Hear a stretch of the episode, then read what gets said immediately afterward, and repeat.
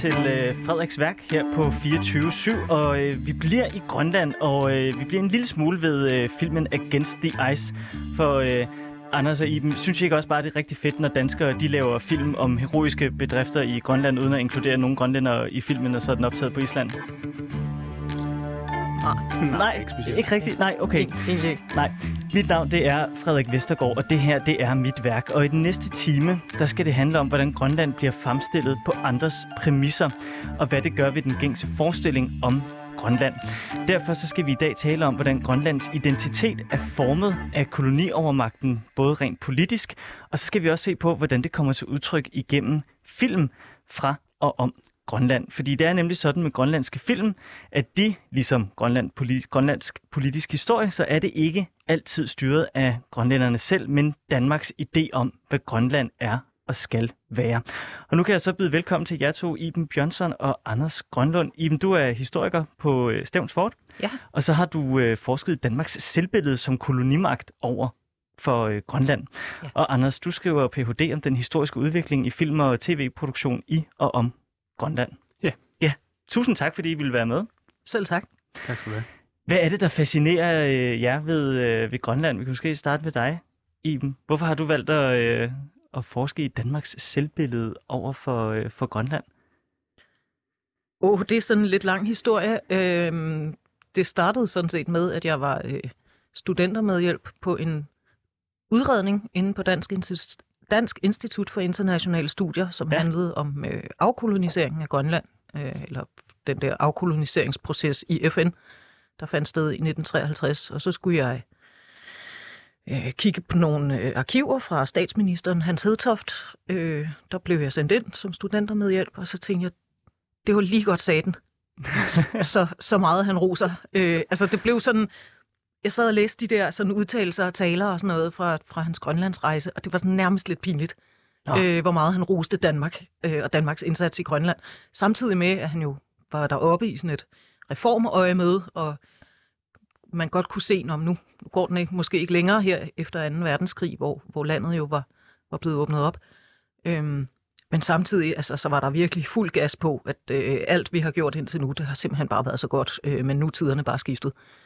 Og så øh, blev den bare hængende øh, i baghovedet, den der, og så øh, arbejdede jeg på et tidspunkt på Arktisk Institut, hvor jeg også lavede podcasts om, om det her med at tage på et, ekspeditioner, og, og, og hvad det er, øh, og hvad dansk kolonialisme er. Ja. Og så, øh, så fik jeg så chancen for at, at også at fordybe mig i det der med, med det danske selvbillede, og, og hvad det er, vi, vi tror, og vi synes, vi gør. Øh, man kan jo læse inde på, øh, på nettet, hvis, øh, hvis man har lyst til det. Der, kan man, øh, der skal man bare søge på øh, Iben Bjørnsson og Grønland. Så kommer din øh, virkelig spændende artikel op omkring øh, det. Hvad med dig, Anders? Hvad er det, der øh, fascinerer dig ved, øh, ved, ved grønlandsk film? Jamen, det er også lidt en snørklet historie på mange måder. Øhm, det startede egentlig med, at jeg har baggrund i dansk. Jeg har læst dansk, Ja. øhm, som jo er både litteratur og medier og, og sprog. Så i løbet af min uddannelse begyndte jeg at interessere mig først for, øh, for sådan noget, der hedder stedteori, men for ikke at holde det alt for kedeligt, så hvordan stedet er repræsenteret, og hvordan stedet indgår i, i litteratur først og fremmest. Ja. Og der begyndte jeg så at interessere mig for det, der hedder, det man kalder dansk grønlandslitteratur, altså litteratur om Grønland. Ja. Og det udviklede sig så lidt øh, løbende, og jeg endte også med at skrive speciale om det, sammen med mine to studiekammerater, hvoraf den ene, Emilie Dybdal, også beskæftiger sig med, med grønlandsk relaterede ting i dag. Men øh, vi skrev speciale om dansk grønlandsk litteratur, men undervejs, inden vi skrev specialet, der skrev vi et semesterprojekt om øh, den første grønlandsproducerede spilfilm, der hedder Numjok af Otto Rosing og Torben Bæk, øh, som egentlig tog os lidt ind på den sti, som jeg er på i dag, som hedder produktionsstudiet Mhm. mm-hmm. af, af, af filmproduktion. Altså så det ikke er så meget det repræsentationsmæssige, jeg har været interesseret i, men, men det produktionsmæssige omstændigheder. Så vi skrev den, øh, en afhandling, eller ikke afhandling, projekt, og så efter jeg blev færdig, så tog jeg til Ilisimatusafik, som er Grønlands Universitet, Mm-hmm. øh, tog et kursus derop i øh, grønlandsk sprog, litteratur og medier, som ligesom åbenbarede, at det, det skulle jeg arbejde videre med. Og så arbejdede jeg lidt på SDU med noget helt andet, men så øh, sideløbende der øh, søgte jeg så sådan et åbent stipendie på Københavns Universitet, øh, Ja. hvor jeg så havde formuleret det her øh, projekt, jeg sidder på nu, som så handler om film- og tv-produktion i og om Grønland. Jeg elsker, hvordan at øh, Grønland sådan er hængt ved jer begge to, selvom I har taget nogle afstikker. Så er det noget, I ikke har kunne slippe. Absolut. Og så vil jeg også bare sige, Anders, i forhold til, at det ikke skal blive kedeligt med stedteori. Hvis der er et program på 24 der skal kunne rumme stedteori, så er det det her. Jamen, det så det er et helt, det helt rigtige sted, du er, og det er et, øh, et safe space for, øh, for akademiske øh, termer, det her. Så der er ingen, øh, der er ingen grund til at tone det ned. Øh, Iben, er der ligesom et, øh, et sort hul, synes du, i, øh, i Danmarks øh, historiske bevidsthed omkring vores rolle i forhold til Grønland? Altså ja, det, øh, det er der jo. Jeg, nu er det jo godt nok et stykke tid siden, at jeg selv gik i skole, men det er sådan set stadig min opfattelse af, at man godt kan slippe igennem øh, den danske folkeskole uden at kom til at vide så forfærdeligt meget om Danmark, eller undskyld, om Grønland. Og øh, så en ting er, at øh, om vi overhovedet lærer om det, men så er der jo også sådan, hvad vi lærer. Altså, der er jo nogle, nogle fortællinger, som har hængt ved, øh, og som jeg sådan hører den dag i dag. Altså sådan noget som, vi var der jo ikke af økonomiske årsager, for eksempel, øh, hvilket jeg nu nok vil, vil stille store spørgsmålstegn ved. Øh, og sådan, nå ja, vi var jo ikke lige så slemme, som belgierne var i Kongo, for eksempel. øh, så, så der er jo sådan en... Øh, jamen, så er alt jo godt. Ja, det er jo, altså så længe vi ikke hugger hænderne af folk, så er det fint. Øh, nej, hvad hedder det? øhm, altså, jeg har, jeg har jo også altid i virkeligheden, øh, udover at, at, at jeg, jeg sådan snublede over Grønland, så har jeg også altid interesseret mig for altså kolonialisme, fordi det er sgu da noget mærkeligt noget. Altså, Mm. det, jeg synes bare grundlæggende, det er noget mærkeligt noget. Øh, så, så det har jeg altid synes var spændende, og især det der med, hvad man så, hvad man så fortæller øh, om den historie.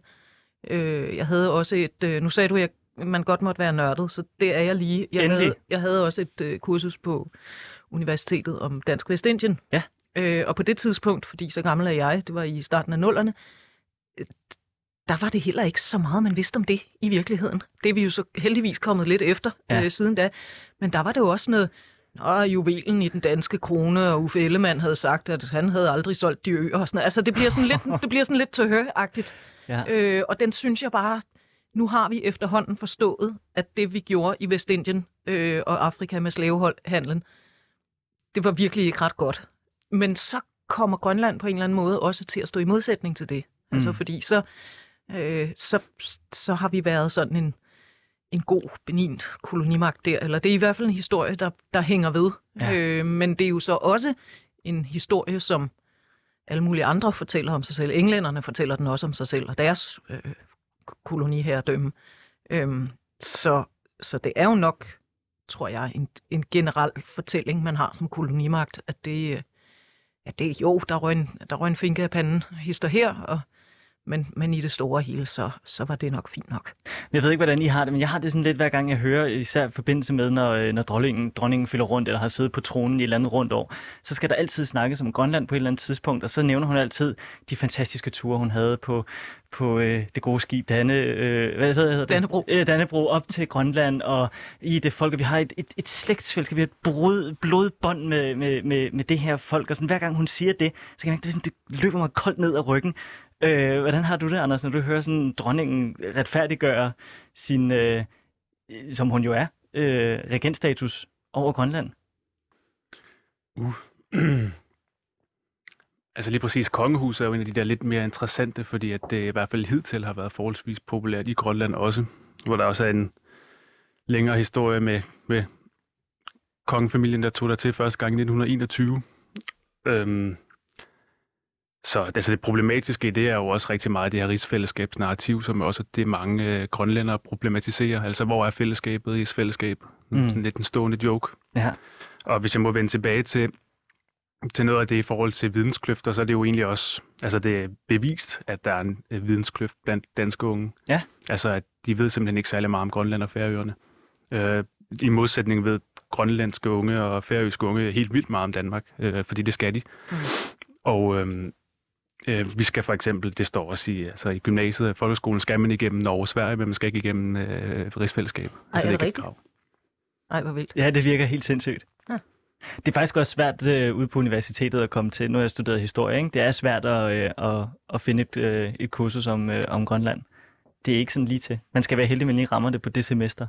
Og så der er heller ikke særlig meget særlig godt øh, undervisningsmateriale, især ikke øh, for dansk fag. Øhm, så der er blevet lavet nogle initiativer. Øh, for det sige, nu, Grønland har selvfølgelig også været meget oppe med Blomsterdalen og Nordisk Råds litteraturpris mm. og sådan nogle ting, men ellers så, så det, der bliver lavet, har egentlig også været meget fra grønlandsk, øh, altså fordi vi simpelthen synes, det var nødvendigt. Der er det her, den her side, det her levende Grønland, som er undervisningsmateriale baseret på dokumentarfilm, som er et projekt af et grønlandsk selskab, der hedder Anorak Film, som er Emilie Hertling Pionar og Inuk Chilisø, og så Bullet Film, og så det grønlandske hus øh, København, der har lavet den her undervisningssite, hvor man tager udgangspunkt i grønlandske og danske dokumentarfilm, for ligesom at ramme så mange af de gymnasielle fag, som man overhovedet kan. Så der sker lidt. Der sker lidt, men øh, ikke så meget. Men når vi nu er ved det her med, øh, med fortælling og, øh, og formidling omkring, øh, omkring Grønland, Anders, hvad er det så, du, øh, du håber på at kunne, kunne afdække i din øh, Ph.D.-forskning omkring øh, grønlandsk øh, filmhistorie? Altså, øh, den, den grønlandske film- og tv-historie er en del af min afhandling. Det vil okay. sige, det er egentlig noget, jeg gør, og har besluttet senere i processen, jeg vil gøre. Altså, at jeg er nødt til at have en bedre forståelse af, hvad der har ført til øh, filmbranchen i dag, øh, for at kunne se på filmbranchen i dag. Så øh, nu, hovedparten af min afhandling, det er case-studier af tre øh, nye produktioner. Øh, den ene er Ugyotogram i som er, hedder Krudt og Kærlighed på dansk af Otto Rosing. Og så den nye sæson af Borgen, og så en, en tredje case, der ikke er lavet nu. Øhm, så øhm, i forhold til det historiske, så er det selvfølgelig øh, at afdække noget. Altså, der er ikke skrevet øh, helt vildt meget om grønlandsk øh, filmhistorie. Øhm, der er skrevet lidt. Øh, der er skrevet i en bog af Karl Nørsted, der hedder Grønlands Film, eksempelvis. Der er lavet et nummer af det filmtidsskrift, der hedder Kosmorama, hvor ja. jeg selv øh, skrev en, en udgave der kom på nylig. Så den historiske, det, det er også fordi, at jeg synes, der mangler det her produktionsmæssige perspektiv. Altså, hvornår meget af det, der er skrevet, er skrevet i forhold til de her værkanalyser. Mm. Altså, hvor man dykker ned i værker, man kigger på repræsentation. Hvordan er grønlandsk inuit repræsenteret? Hvordan er Grønland repræsenteret?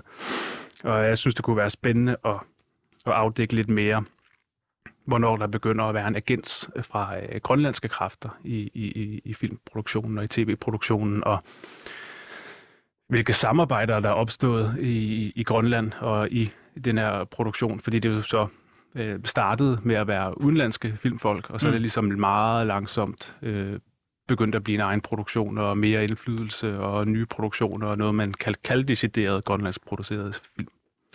Og vi skal jo i dag prøve at, øh, at, at se, øh, om vi kan tegne et, øh, om en lidt, lidt kort, men et, et billede på, på sådan en nyere grønlandsk historie, og så se det igennem øh, øh, film fra og om Grønland. Og jeg synes, vi skal starte i 1897, hvor en af de første danske film nogensinde den kommer, øh, kommer ud, og den hedder Kørsel med grønlandske hunde.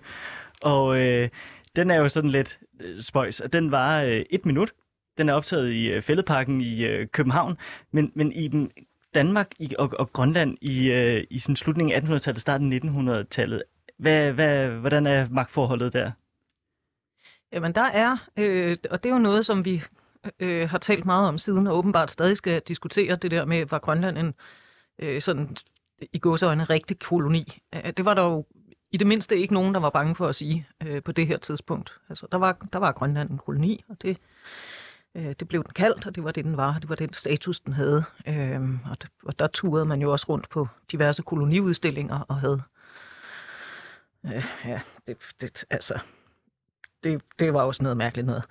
Anyway, altså, så på det her tidspunkt, øh, der, der er det jo en, en helt klar kolonial status, og, og Grønland var jo lukket land, øh, forstået på den måde, at, at den, den, kongelige grønske, den kongelige grønlandske handel, som det hed, havde jo sådan set øh, monopol på besejling af Grønland. Det vil sige, at der var ikke nogen, der kom til Grønland, uden at det blev godkendt fra København. Okay. Øhm, og øh, det var fordi, man havde den her beskyttelsespolitik, øh, som, som det jo hed, øh, at man, man anså grønlænderne for det her sådan... Øh, at man, man har det her begreb, de ædle vilde. Ikke? At okay, de var sådan ja. et, de var sådan et, et, øh, nærmest lidt, lidt naivt øh, naturfolk, øh, som jo ikke kunne begå sig i den, i den moderne verden, og derfor øh, så, så, så krævede de jo beskyttelse. Det var Ja, ligesom, det er klart. det, det er jo sådan en, et helt øh, ekstremt øh, øh, sådan maternalistisk øh, øh, syn, ikke? Altså det der med, at man nærmest ser, ser på dem som børn, der ikke kan klare sig selv, mm. øh, og, og, og at de har den her helt unikke øh, fangerkultur, som, som naturligvis øh, skal beskyttes. Og øh, det, det, det, der er jo også nogle hære ved det, fordi øh, der er jo så nogen, øh, noget forskning, der tyder på, at når man også gerne ville beskytte den her fangerkultur, øh, så var det jo fordi, at øh, tran og spæk, det øh, var noget, man kunne tjene penge på, men det er grønlændere bare helt vildt meget bedre til at få fat på øh, ja. end danskere. Øh, og derfor så havde man sådan set øh, fra Danmarks side en, en interesse i ikke bare at opretholde fangerkulturen, men faktisk også promovere fangst på bekostning af, øh, af anden grønlandsk levevis. Altså sådan mere traditionelle jagtformer. Altså så, så det blev sådan det blev sådan en fangst på steroider, øh, kan man sige, altså hvor, øh, hvor at, at, at sådan andre elementer af, af grønlandsk kultur ligesom blev, øh, blev tonet ned, og så, og så havde man det her, øh, det her fangstideal, og så, og så skabte man også øh, narrativen om det her fangerfolk, Ja.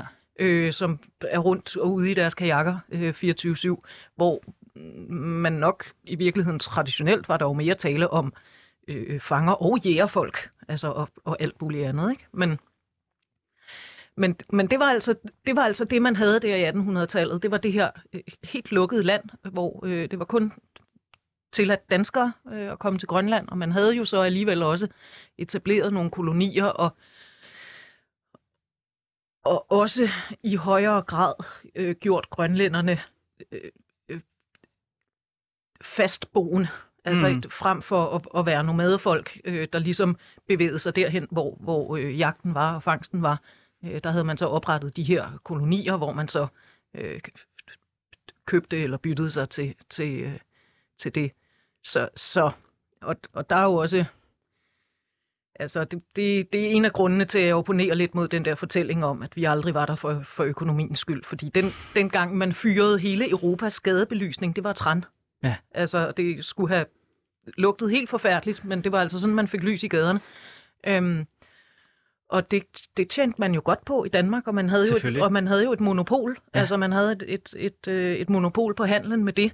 Øh, og jeg er øh, også ret overbevist om, at øh, grønlænderne ikke fik det i bytte, som danskerne tjente på det. Altså sådan svarende i værdi.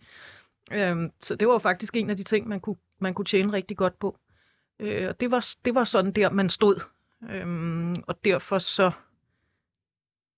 Øh, undrer det mig heller ikke, at det er sådan en film om slædehundekørsel, fordi det, så bliver det jo den der fremstilling ikke, af, Ja, Se- ligesom man også ser på, øh, på, på koloniudstillinger og menneskeudstillinger, ikke? så kunne man jo tage nogle inuitter det her, som du siger, sarte, sarte urfolk, og så kunne man smide dem ind, og så kunne alle øh, europæerne stå og, og tage kæven over, hvor, øh, hvor, hvor eksotisk og spændende. ja, se, de hvor her- de lever ja. i pagt med naturen. Ja, ikke? lige de, præcis. de er næsten sådan et, et, et ikke, ikke helt lige så civiliseret som Ja. ja. os, ikke? og det er også Ja. meget eksotisk. Anders, er det det billede, som den her film øh, fra 1897, Kørsel med grønlandske hunde, den øh, repræsenterer? Øh, altså, det er jo en lidt omdiskuteret film på mange måder i forhold til, hvad den er, altså, øh, og hvorfor den er, eller hvorfor den eksisterer overhovedet. Øh, så på den måde, så er det svært 100% at kunne udtale sig om, hvad den repræsenterer. Øh, man kan sige, jeg har skrevet i et sted, at meningen om den ligesom er delt i to. At den, på den ene side kan det være det her, den her testfilm, eller hvad hedder sådan en instruktionsfilm, Ja. der, der er mange af fra samme periode, hvor man skal vise, hvordan noget fungerer, og så Mhm. måske bare fordi det er sjovt. Den lidt mere kritiske er jo så, at om der er, ligesom er tale for en eller anden form for imperialistisk øh, gerning, altså at øh, man skal vise, øh, at hvad hedder det, Grønland er, er dansk. Altså at Ja. Grønlands kultur er dansk kultur. Ja, og det der er en- kolonibestyreren, der, Det er der, der, kolonibestyreren. der, der kører rundt med de her hunde. Det er, altså det sandsynligvis øh, kolonibestyreren. Ja. Ja. Men det er Peter Elfeldt, som var den kongelige hoffotograf, der har filmet det. Øh, og det, der ligesom er fortællingen øh, generelt, det er, at det er den ældst ældste bevarede film. Øh, det med bevaret er, er selvfølgelig vigtigt, men der filmer den her kolonibestyrer, øh, jeg tror det var Umanak, han sad i, øh, Johan Jønsen, øh, Jonsen, der øh, testprøver en, øh, en, en, en slæde med to hunde øh, bundet på. Ja. ja Den er et det, minut lang. Og det er ligesom det, der er lidt sjovt, og det, der er altid sjovt at tage fat i, når man skriver om grønlandsk film og dansk øh, filmhistorie i virkeligheden, det er jo, det tager udgangspunkt i noget grønlandsk, ja. og det er bare lidt sigende. Men den øh, oprisning, som, øh, som Iben kommer med her, det som vi har snakket om, fascinationen af inuit-kultur, altså er det også noget, man ser i, øh, i film om Grønland i, øh, i løbet af sådan starten af 1900-tallet? Absolut. Øh, man kan sige, det er delt lidt i, i, i to. Altså der var både en, selvfølgelig en tidlig dansk interesse, der er naturligt nok, og så var der også en øh, tidlig tysk interesse i Grønland. Og øhm, generelt har der været sådan en dansk, tysk, fransk interesse op igennem hele historien i at lave film øh, øh fra Grønland og om Grønland. Men man kan sige, at den første øh, spillefilm, der så kommer, fordi at igen, som du sagde i begyndelsen, uh, kørsel med grønlandske hunde er et minut lang øh, stumfilm fra muligvis fra 1897, måske 98, men øh, den første spillefilm er den her, der hedder Eskimo, deres Eskimo Baby, som ja. er øh, den her, øh, øh, navnet er lidt sigende, øh, lystspil, ja. hvor øh, øh Asta Nielsen, i, jo, som, den store, den store Asta Nielsen, ja. Astra, hun øh, spiller den her Inuk-kvinde, der bliver taget til øh, Berlin, overklassens Berlin, så ja. det tager ligesom udgangspunkt i et øh, kulturmøde. Med en dansk kvinde, der spiller men uh, dansk kvinde, der ja. spiller uh, Inuk. Og det gjorde de så generelt uh, i de, uh, også i den første danske eller norske, nordiske film, der hedder Eskimo uh, ja. af Georg Snevoy. Um, er der ikke lavet Peter Frøken, ikke også en film, der hed det? Han har skrevet en bog i hvert fald. Ah, det, hed de alle sammen det, de der film? Nej, det, det, nu har jeg lige, lige nævnt de to film, der hed det. Uh, men, uh, men det der så er lidt mere for at sige, at uh, det er så, man kan sige, der er jo det problem med at lave film om Grønland, at øh, det er meget, meget svært og ja. dyrt og besværligt. Og det er det på sin vis stadigvæk, øh, mm. at producere film i Grønland. Så det, de så har gjort i, øh, i Das Eskimo Baby, er jo simpelthen at tage grønlænderen til, til Berlin, i stedet for at tage tyskeren til Grønland. Ja.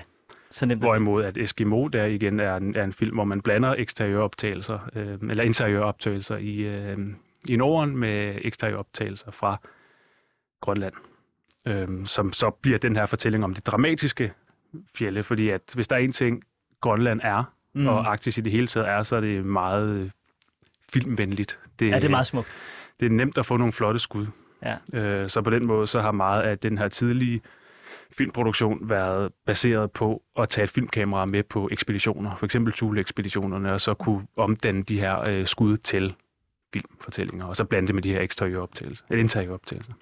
Men de her film, som du nævner her, er det sådan, at man kan sådan ligesom sige, at den del af, af Grønland, eller film om Grønland, de repræsenterer, det er sådan den her koloniale fortælling. Det er mødet med det eksotiske, det er øh, fastlåsningen af, af inuiten ud fra en, øh, en vestlig præmis. Det er i hvert fald øh, alt sammen med et, øh, et, også en vestlig øh, hovedkarakter, man kan sige, udover Asta selvfølgelig også er en hovedkarakter, øh, mm. som øh, en kvinde men ja, og det er som sagt det her, hvad kan man sige, koloniale blik på et folk og på en kultur, og så øh, en fascination af altså, nogle arktiske spektakler. Der er også øh, Arnold Fank, øh, som er tysk øh, hvad hedder det, instruktør, der er kendt for sin bjergfilm, mm-hmm. som betagende bjerglandskaber. Han lavede også en film, der så hedder SOS Iceberg, hvor man også tager udgangspunkt i de her øh, gigantiske øh, isfjelle og hvad der ellers er.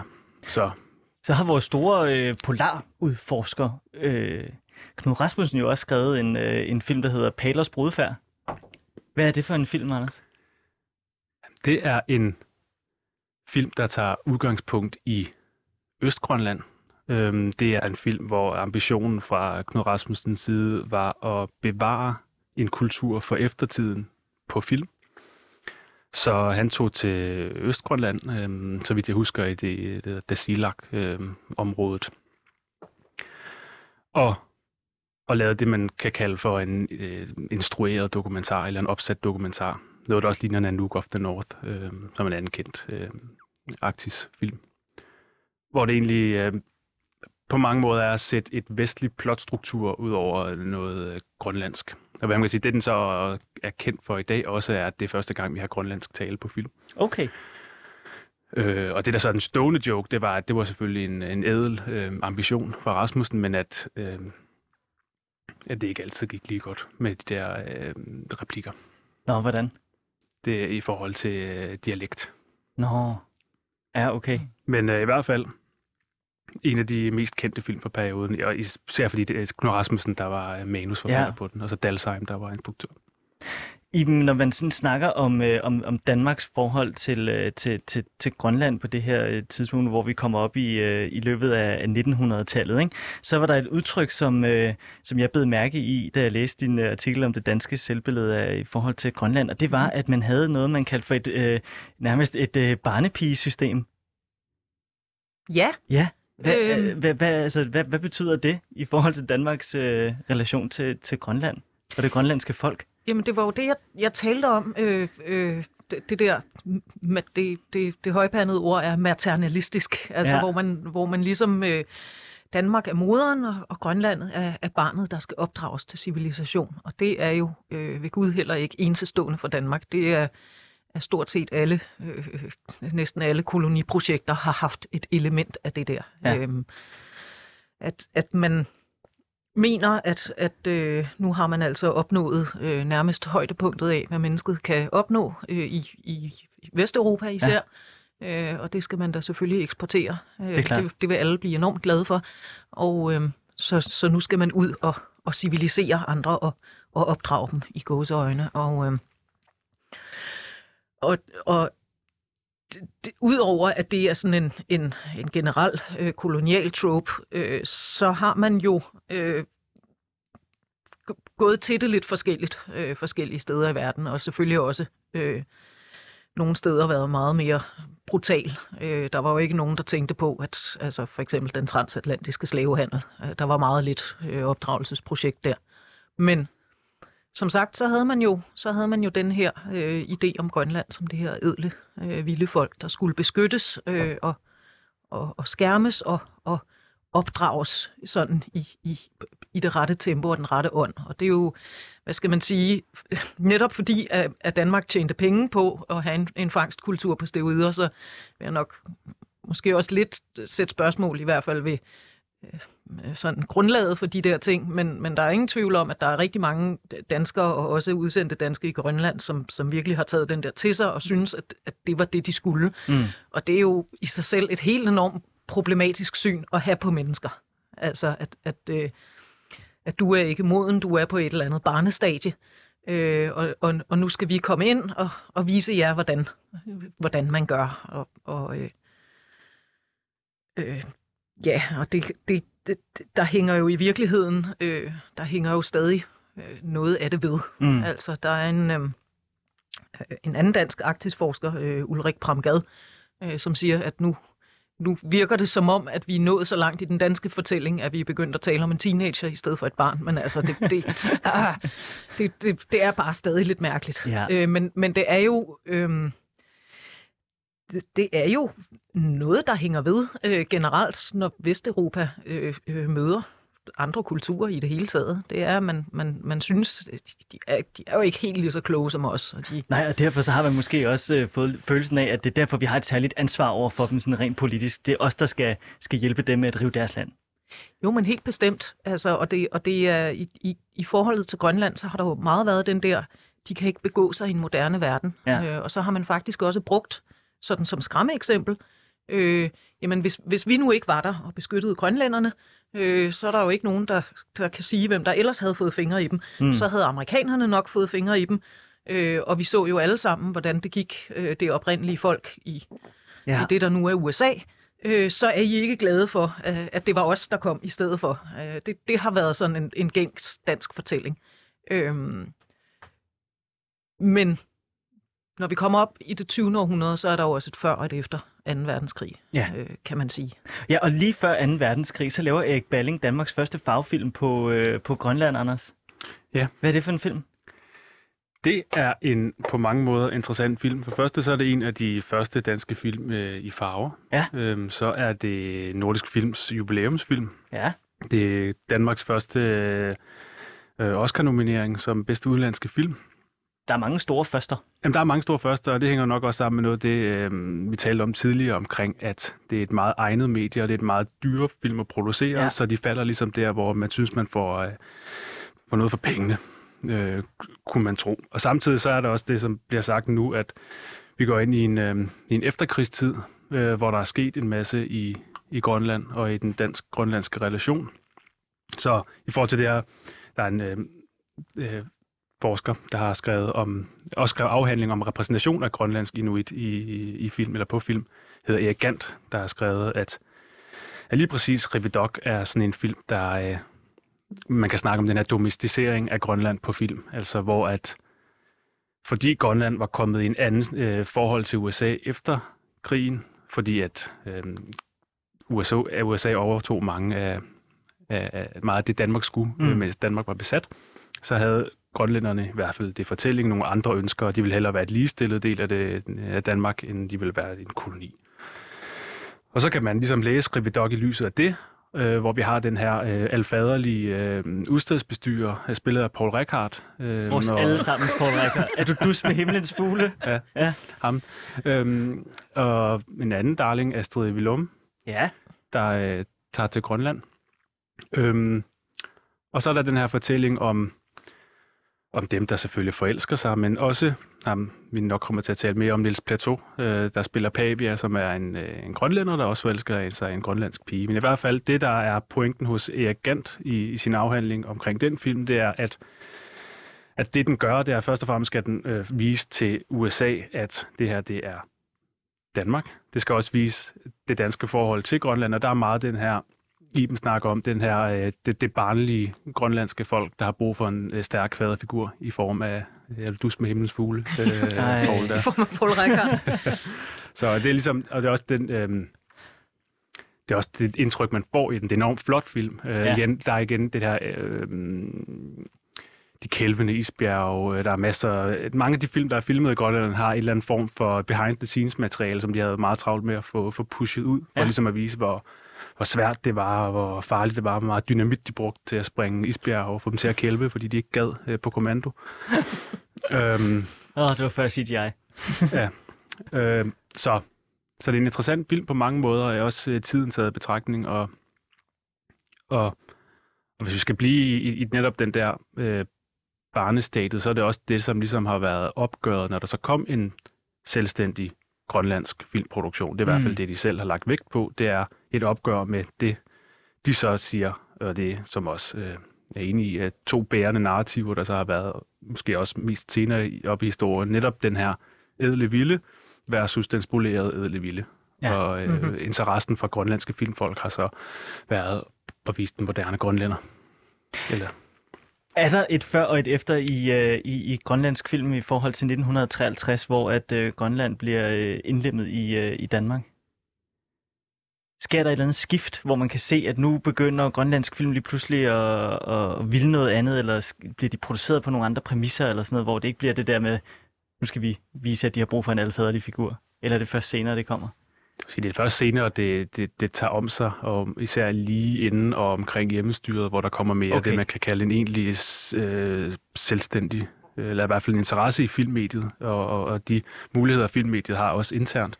Men det, der sker, det der ligesom er skiftet, det er det, der sker med USA. Og lige pludselig Mm. så ser man, hvad hedder han, øhm, øh, Stanley Kubrick, Ja. og, og sådan nogle tage til, til, til Grønland og lave aerial shots, altså bruge indlandsisen, øh, bruge det meget Thule Airbase lige pludselig. Ja. Det er som hvis man følger, hvor hvad for nogle locations de så bruger, når de så tager til Grønland, forskellige filmfolk. Så er lige pludselig er der Thule Airbase, så er der noget Umanak, og så i dag så er det mere Ilulissat og, og Nuuk. Iben, øh, det her med, at, øh, at, at Danmark får, øh, får Grønland ind i 1953, Mm-hmm. hvad er det, Danmark gerne vil på det tidspunkt? Øhm, Danmark vil gerne tækkes FN. Ja. Øh, og hen i FN, der er man jo øh, besluttet sig for, at det der med kolonier, det synes man er lidt dårligt. Ja. Øhm, og, øh, og så, så øh, sætter Danmark jo gang, og det er faktisk først der Danmark, øh, eller det er der Danmark begynder på det der. Om vi er jo ikke ligesom de andre kolonimagter, vi, vi har jo ikke, Grønland er jo ikke en rigtig koloni og sådan noget, men det, men det øh, kommer man så frem til, når, okay, det er vi. Øh, og så sætter man gang i den her afkoloniseringsproces, og øh, i godseøjne, altså fordi det der sker, det er, at Danmark bliver formelt, formelt ligestillet. Øh, undskyld, Grønland bliver formelt mm. ligestillet, øh, kommer under grundloven, kommer med i grundloven, så at sige. Men øh, det, er jo ikke, det slutter jo ikke der, fordi så er det, man siger, okay, øh, beskyttelsespolitikken, det var også forkert, og nu skal de være moderne. Ja. Så nu skal vi bygge et moderne samfund, og ja. det er jo den periode, der går under perioden daniseringen. Nu skal de blive ligesom os. Ja, nu skal de, nu skal de opdrages, og ja. det skal gå hurtigt. Ind i øhm, nogle boligblokke og bo.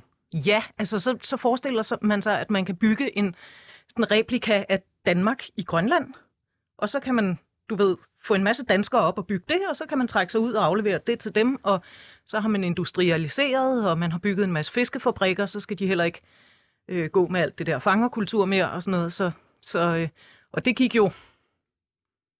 Altså, man tager i, nu, har, nu ved jeg, at du har læst øh, min artikel der, og der taler man om det der med afkolonisering, eller i, i forskellige tempi på forskellige områder. Så mm. det kan godt være sådan folkeretsligt, der ophører Grønland med at være en koloni.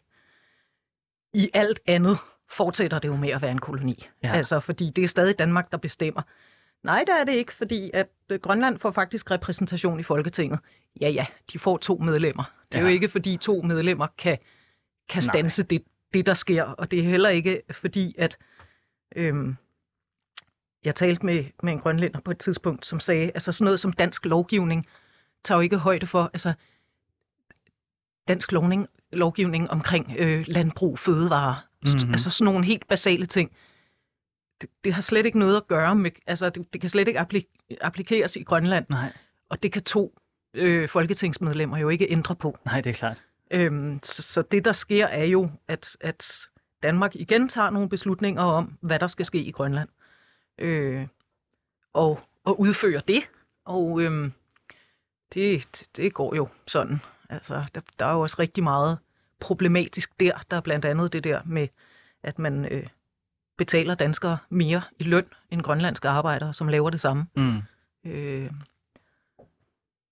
og, og, og i det hele taget jo lukker øh, øh, bygder og, og siger, nu, nu skal I alle sammen øh, arbejde på fiskefabrikken, det er mere effektivt. Og det, jeg skal ikke bo her. Og nu skal, nu skal I være ligesom os, ikke? Ja. Øhm, og så er der hele Tulebasen, som jo også er en, er en historie for sig selv, hvor man jo også lige får, får tvangsflyttet faktisk en, en, en helt øh, by, eller sådan en helt øh, øh, fangersamfund. Så, øh, og, det, og det er jo den, den officielt øh, ophørte Grønland jo med at være en koloni i 1953, og det, det vil jeg jo nok opponere mod ja. at sige. Det, det gjorde de ikke, jo formelt, øh, mm. øh, men, men det fortsatte jo. Og det er så øh, i 70'erne, øh, især at, at 60'erne og 70'erne, der begynder at komme virkelig en sådan øh, grønlandsk protest mod den her daniseringsperiode. Ja. Øh, og, og jeg synes jo, det er, det er sigende, at, den, at det hedder daniseringen. Ikke? Mm-hmm. Der kommer man virkelig... Øh, altså, man, man, det var ligesom om, nu skulle man gøre op med alt, hvad beskyttelsespolitikken havde været, fordi at, at det havde man så faktisk fundet ud af, at, at de var trætte af at være altså, spærret inde og ikke måtte have kontakt til omverdenen. Ja, ja. Øhm, og så røg man helt over i den anden grøft. Øh, men det var jo ikke, fordi man stadig øh, for alvor. Øh, øh, egentlig, øh, hvad skal man sige, tog Grønland med på råd, og måske også øh, sådan øh, prøvede at, at sige og finde ud af, og det, det synes jeg jo stadig nogle gange, vi har lidt, lidt problemer med i dag. Måske skal alle samfund ikke være som vores. Mm. Altså måske er vi ikke højdepunktet ja. af menneskeliv. Så måske er vores økonomiske system ikke sådan det mest perfekte og rationelle, der findes øhm, og, og, og, og prøve at, øh, at give lidt plads til det. Men altså, det, det er jo som sagt øh, generelt ikke noget, som vi er specielt gode til. Anders, hvornår begynder man at kunne se en, øh, en modstand mod danificering og øh, en, en, et behov for at, øh, at, at være, øh, altså at lave grønlandske skal film øh, med grønlændere, og ikke hvor at de sådan er objekter i en dansk fortælling. Hvornår begynder man sådan ligesom at se, at de vil fortælle egne historier, og de kan fortælle egne historier? Man kan sige ret tidligt, så øh, efter den her G60-modernisering, så er det ret tydeligt, at der kommer et oprør på, på mange fronter. I første mm. omgang også øh, musikken. Altså, øh, nu kommer vi nok til at snakke om Sumé på Ja, et det må du meget gerne. Øhm, men øhm, som kort fortalt er øh, det her rockband, der øh, opstartede i, i 70'erne og var øh, kontroversielt er måske et forkert ord, men det var i hvert fald vildt, øh, også for grønlænderne selv, at der lige pludselig var et rockband, der for det første var øh, kritiske mod den danske stat, men også øh, sang på grønlandsk. Mm. Øhm, og, og som led i det blev der også dannet sådan noget som sommerlejre og, og, og den slags, men også, nu er mit felt fiktion, men der begyndte at komme øh, dokumentarfilm, der var mere kritiske, også danske øh, dokumentarfilm, Jørgen Ros øh, øh, for eksempel, da myndighederne sagde stop, og, og, og der bekommer den her ulmende utilfredshed, øh, der ligesom ser sin begyndelse der i øh, især i 70'erne, øh, og ligesom også kulminerer med hjemmestyret. Ja, hvordan, hvordan ser øh, grønlandsk film ud øh, efter hjemmestyret i 79? Det er jo så der, der begynder at ske noget særligt inden for, øh, for fiktionen. Man kan sige, det er der, vi begynder. Der kommer vi så tilbage, øh, os danskere, og, og, og har lyst til at lave film igen. Øh, der er Duguma. Ja. Fra 84 Med Thomas Eje med Thomas Eje, og, øh, og ikke mindst Naja Rosing Olsen, øh, som er en grønlandske skuespillerinde, øh, som er anderledes på den måde, at vi har en krediteret grønlandsk øh, manus på øh, og medinstruktør på de grønlandske scener. Det er nemlig Josef Dusi Motsfeldt, som også øh, var grønlandsk politiker. Øh, Nugaga Costa Valdaus øh, far Ja. øh, som også er en filmpersonlighed, så det er også relevant. Men så der begynder der også at komme nogle andre øh, fortællinger i, i dansk regi, og der begynder at komme mere involvering i både især foran kameraet, men også bag ved kameraet, selvom det starter i det små. Altså der er sådan nogle sjove greb i den film, i forhold til for eksempel, så er der ikke undertekster, når de snakker grønlandsk. Mm. Så på den måde bliver man sat lidt ud for fortællingen øh, som dansker, øh, hvor man kan sige, hvis man skal bruge sit dansk analytiske blik, så er det lige pludselig også danskere, der ikke helt kan følge med i, hvad der foregår. Ja. Øh, og ligesom, det er ikke os, der har privilegiet der, der kunne forstå det hele. Øh, Jeg, jeg synes, det er fascinerende, at den film der, den udkommer øh, fem år efter, at øh, vi har fået øh, et øh, hjemmestyre i Grønland. Altså, man kan ikke lade være med at lave den kobling der. Den er, jeg synes også, den er der. Øh, det er så også på mange måder en ret traditionel fortælling, også i forhold til, hvis vi hvis jeg tager min litteraturhat på igen, og så går tilbage til sådan noget B.S. Ingemann, øh, Henrik Pontoppidan, igen, danskeren, der tager til Grønland og, og finder sig selv, hvor der Mm. bliver sat sådan et, øh, et kontrastforhold mellem det, Duguma betyder den, der har travlt, mm. øh, fordi det er det, Thomas Eje bliver kaldt øh, af de andre. Nej, det er hans bror bliver kaldt, øh, så vidt jeg husker øh, øh, som er kontrasten mellem det for, fortravlede moderne Danmark, og så det her øh, Grønland, hvor man øh, falder til ro og har et helt andet tempo, og, og finder ud af, hvad der virkelig betyder noget. Så, så det er lidt tit, det er spolerede danskere faktisk, der tager til Grønland, og så øh, finder sig selv. Og det er den samme type fortælling, vi finder i Dukuma. Groft sagt. Tiden, den, øh, den flyver jo simpelthen afsted, så vi bliver simpelthen nødt til at lave sådan et, øh, et kvantespring frem i, øh, i tiden fra, fra, fra 80'erne, og så op til, at, øh, at man øh, lige pludselig begynder i, øh, i 90'erne at, øh, at snakke om, at øh, Danmark øh, måske ikke længere skal have et... Øh, eller at, øh, undskyld, at Grønland ikke skal have et hjemmestyre, men de skal have et, øh, et selvstyre. Hvordan kommer det i hus i dem? Uhu. øhm, ja, jeg er jo historiker. Øhm, 2009 er også historie. to, oh, gud ja, det er det jo. Øhm, jeg ved faktisk ikke så meget øh, om den proces, skal jeg være ærlig at sige. Men altså, den, den, den følger jo øh, den følger jo meget godt den her, øh, øh, den her øh, frigørelsesnarrativ i virkeligheden. Øhm, og øh, hvad skal man sige? Øh, Det er jo også det er jo også et, et stigende krav altså fra Grønland, ikke? At man, at man øh, sådan i, i, i højere og højere grad øh, gerne vil øh, kunne, kunne lave sine egne love. Det var jo det, jeg talte om før. Altså, der er jo meget sådan, dansk lovgivning. Det er jo ikke, øhm, det, det, hedder, det hedder, at man hjemtager politikområder, hvis jeg ikke tager meget fejl. Mm. Øh, altså det der med, at der, der er flere og flere øh, øh, områder, som sådan bliver taget hjem til Grønland, altså hvor, hvor det giver mening, at nu laver vi vores egen lov om det her, fordi det giver ikke mening at have en, en, en, en dansk lov om for eksempel landbrug, der er beregnet på køer. Øh, det, det, det er ikke, eller. Nej. hvordan man omgås dyr. Øhm, men det, som jeg jo nok i virkeligheden synes er aller, allermest spændende ved selvstyreloven, det er jo det der med, at der faktisk står i den, at Grønland kan løsrive sig, Ja. øh, hvis de vil. Og, og øh, det er jo et... Øh, det er alligevel et, et, et, det er, det er et kvantespring øh, øh, for Danmark, men, men det er jo også... Øh,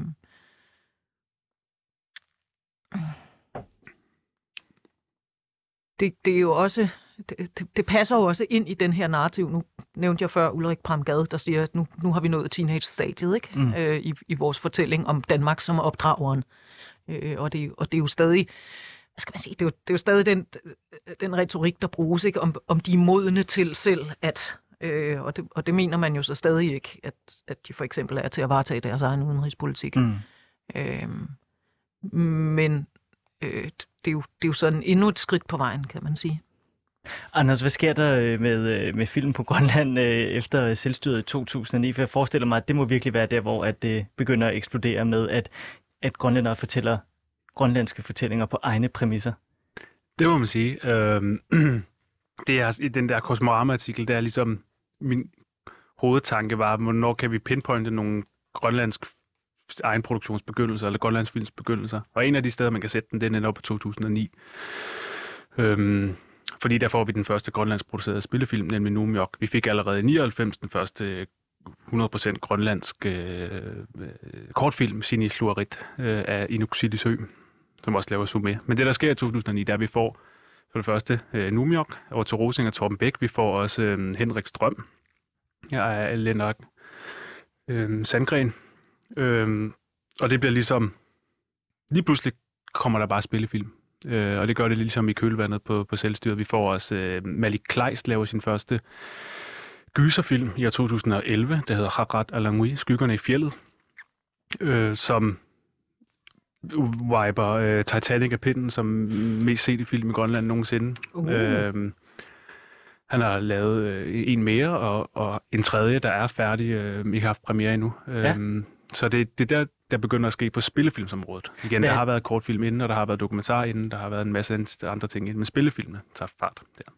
I forhold til det, som vi allerede har været inde på med, hvordan at, øh, at Grønland er blevet fremstillet igennem et dansk perspektiv, hvordan kan man så se, altså hvad er det for nogle fortællinger, grønlændere øh, laver om øh, deres eget land i, øh, i de film, som du nævner her?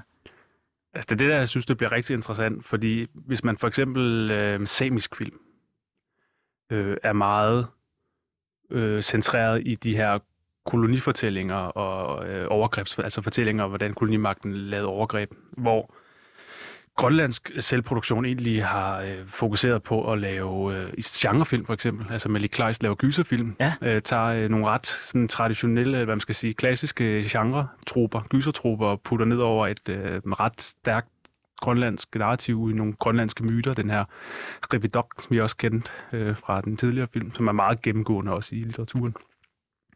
Vi har Mark Fusing Rosbach, der laver fantasyfilm, øh, og de er alle sammen, altså det er forkert at sige, at de er at de ikke er grønlandske år, øh, for det er de meget. De er det bare i sådan en øh, genre øh, kontekst. Og så er der lidt forskelligt, hvordan de her øh, instruktører, de positionerer sig i forhold til, til publikum også. De fleste af dem er meget øh, rettet mod et grønlandsk publikum, øh, hvilket jeg synes er ret skønt, at, at det ikke er noget, man øh, tager højde for, for det udenlandske. Nu koncentrerer man sig ligesom om at lave fedt indhold genkendeligt indhold på grønlandsk ved grønlænder øh, fra genkendelige fortællinger. Øh, Rarat Alungui er en gruppe studenter, der tager ud i en hytte, og så sker der øh, ting og sager.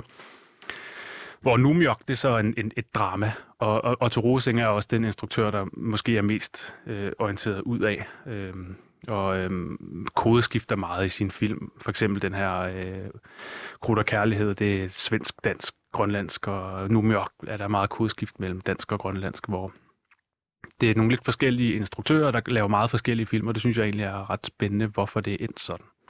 Ja, fordi man kan jo sige, det er jo ikke... øh, Altså, ja, det er jo ikke sådan nogle film, der handler om, hvor, hvor onde danskerne var, nødvendigvis. Nej, altså man kan sige, at Mark Fusing Rosbach, han er meget mere orienteret mod historien, og det hedder altså øh, fortiden og myterne. Øh, og Malik Kleist, han er jo tydeligvis enormt fascineret af, af gysermediet og, og putter så igen mytekulturen ind, men det er ikke det er så det nogle små øh, spark under, under bordet, sådan lidt diskret, og der er også mange fortællinger med propfyldt med humor og sådan noget, altså der er ikke der er, jeg fornemmer ikke en, hård retorik i filmene. Altså det, det, det synes jeg i virkeligheden er, er ret fint. Man kan sige, de historiske film er også sindssygt dyre at lave. Det er så klart. altså, det er måske ikke underligt, at man tager udgangspunkt i noget uh, contemporary, altså noget nutidigt, nogle unge, der tager ud i en... Hans anden film er så nogle unge, der tager ind i et hus, der er hjemsøgt. Altså sådan noget Ja. enkelte locations og sådan noget. New York var lidt større budget, øhm, hvor man også øh, mixede det lidt med Nuuk og, og fjordture og sådan noget. Så fantasyfilm, gyserfilm, de her store dramaer, som New York er, eller Anori af Bibaluk øh, Kreutzmann Jørgensen, som også øh, i virkeligheden er ret internationalt orienteret på sin vis, fordi det er en fortælling, der er spillet mellem Nuuk og New York. Og så skal man så også, altså, grønlandsk film i dag er så også meget centreret i Nuuk, Mm. og i hvert fald på vestkysten, øh, hvor at mange af de øh, instruktører, der måske kommer fra for eksempel Ilulissat, efterhånden flytter til Nuuk, hvor der ligesom har er blevet etableret det her, øh, grønland, den her mere, hvad kan man kalde en grønlandsk filmbranche. Øh, selvom den er meget lille. Ja, den er meget lille, og øh, hvad hedder det, den er jo i opblomstring, men den er jo st- stadigvæk ikke helt øh, på, på, på egne ben som, som sådan. Men, men øh, vi har jo kun to minutter tilbage nu, jeg ved simpelthen ikke, hvor tiden den er blevet af. Men jeg bliver nødt til at høre til sidst, for nu har vi jo snakket fra, fra 1800-tallet, og så vil jeg godt lige have det op til i dag. Den måde, som Grønland bliver repræsenteret på i film nu fra Danmark, det kan vi jo se i Borgen. Hvad synes I om den måde, at Grønland bliver repræsenteret på der? Øhm, jeg har ikke set Borgen. Nu så jeg Against the Ice i går, fordi jeg vidste, jeg skulle herind, så Ja. tænker, jeg må hellere se den. Øhm, og der er det jo, altså der er Grønland jo det, det tomme land. Øh, Fuldstændig, ja. Edward Said taler om det i den bog, der hedder Orientalism. Ja. Øh, det her med det tomme land, der ligger åbent for øh, den hvide mands øh, erobring. Og det er jo øh, det er jo det, det er, Ja. øh, kan man sige, i den film. Der er ikke skyggen af en grønlænder med i den film. Overhovedet ikke. Øh, der, der, der var jo så heller ikke, kan man sige, nogen grønlænder i, i, i de virkelige hændelser, fordi de var jo ikke dumme nok til at tage det op. Der var ikke noget at spise. Mm. Ja, så kan man sige meget... altså, Lad os sige Borgen, der er også en, en, en, en svensk-islandsk serie, der hedder Tynd Is, øh, som øh, udkom i 2020. Øh, det er jo ligesom en lidt ny fortælling, hvor det er øh, det geopolitiske spil, hvor øh, nu er det ikke længere bare USA og Danmark, der forhandler. Nu får man også øh, perspektivet fra, øh, fra det grønlandske selvstyre, og hvad, hvad er deres meninger, og hvad er deres øh, ambitioner, og hvad er deres udfordringer, hvor der er et ret klart øh, sådan sympatiperspektiv, der er rettet mod øh, især det. Og det bliver også i talesat, de her problematikker, så det har det rykket sig enormt meget. Øh, især fra 1800-tallet. Det har det i hvert fald, og vi kunne faktisk, jeg, jeg burde næsten bare have taget en, en time til, men det har vi desværre ikke. Men øh, jeg vil bare godt sige tusind tak til dig, Iben Bjørnsson, og dig, Anders Grønlund. Det var en øh, kæmpe fornøjelse at, at, at have jer med herinde i dag, og man kan jo gå ind og læse både Iben og Anders' øh, artikler på, øh, på nettet. Dem øh, linker vi til i, øh, i podcasten. Og så øh, er der bare tilbage at sige tak, fordi du øh, lyttede med. Og øh, vi er tilbage igen næste fredag kl. 16. Og du kan altid komme i kontakt med Frederiks Værk inde på 24 app eller på mail. Det er frederiksværk 247dk Nu er klokken 18, og vi skal have nogle nyheder.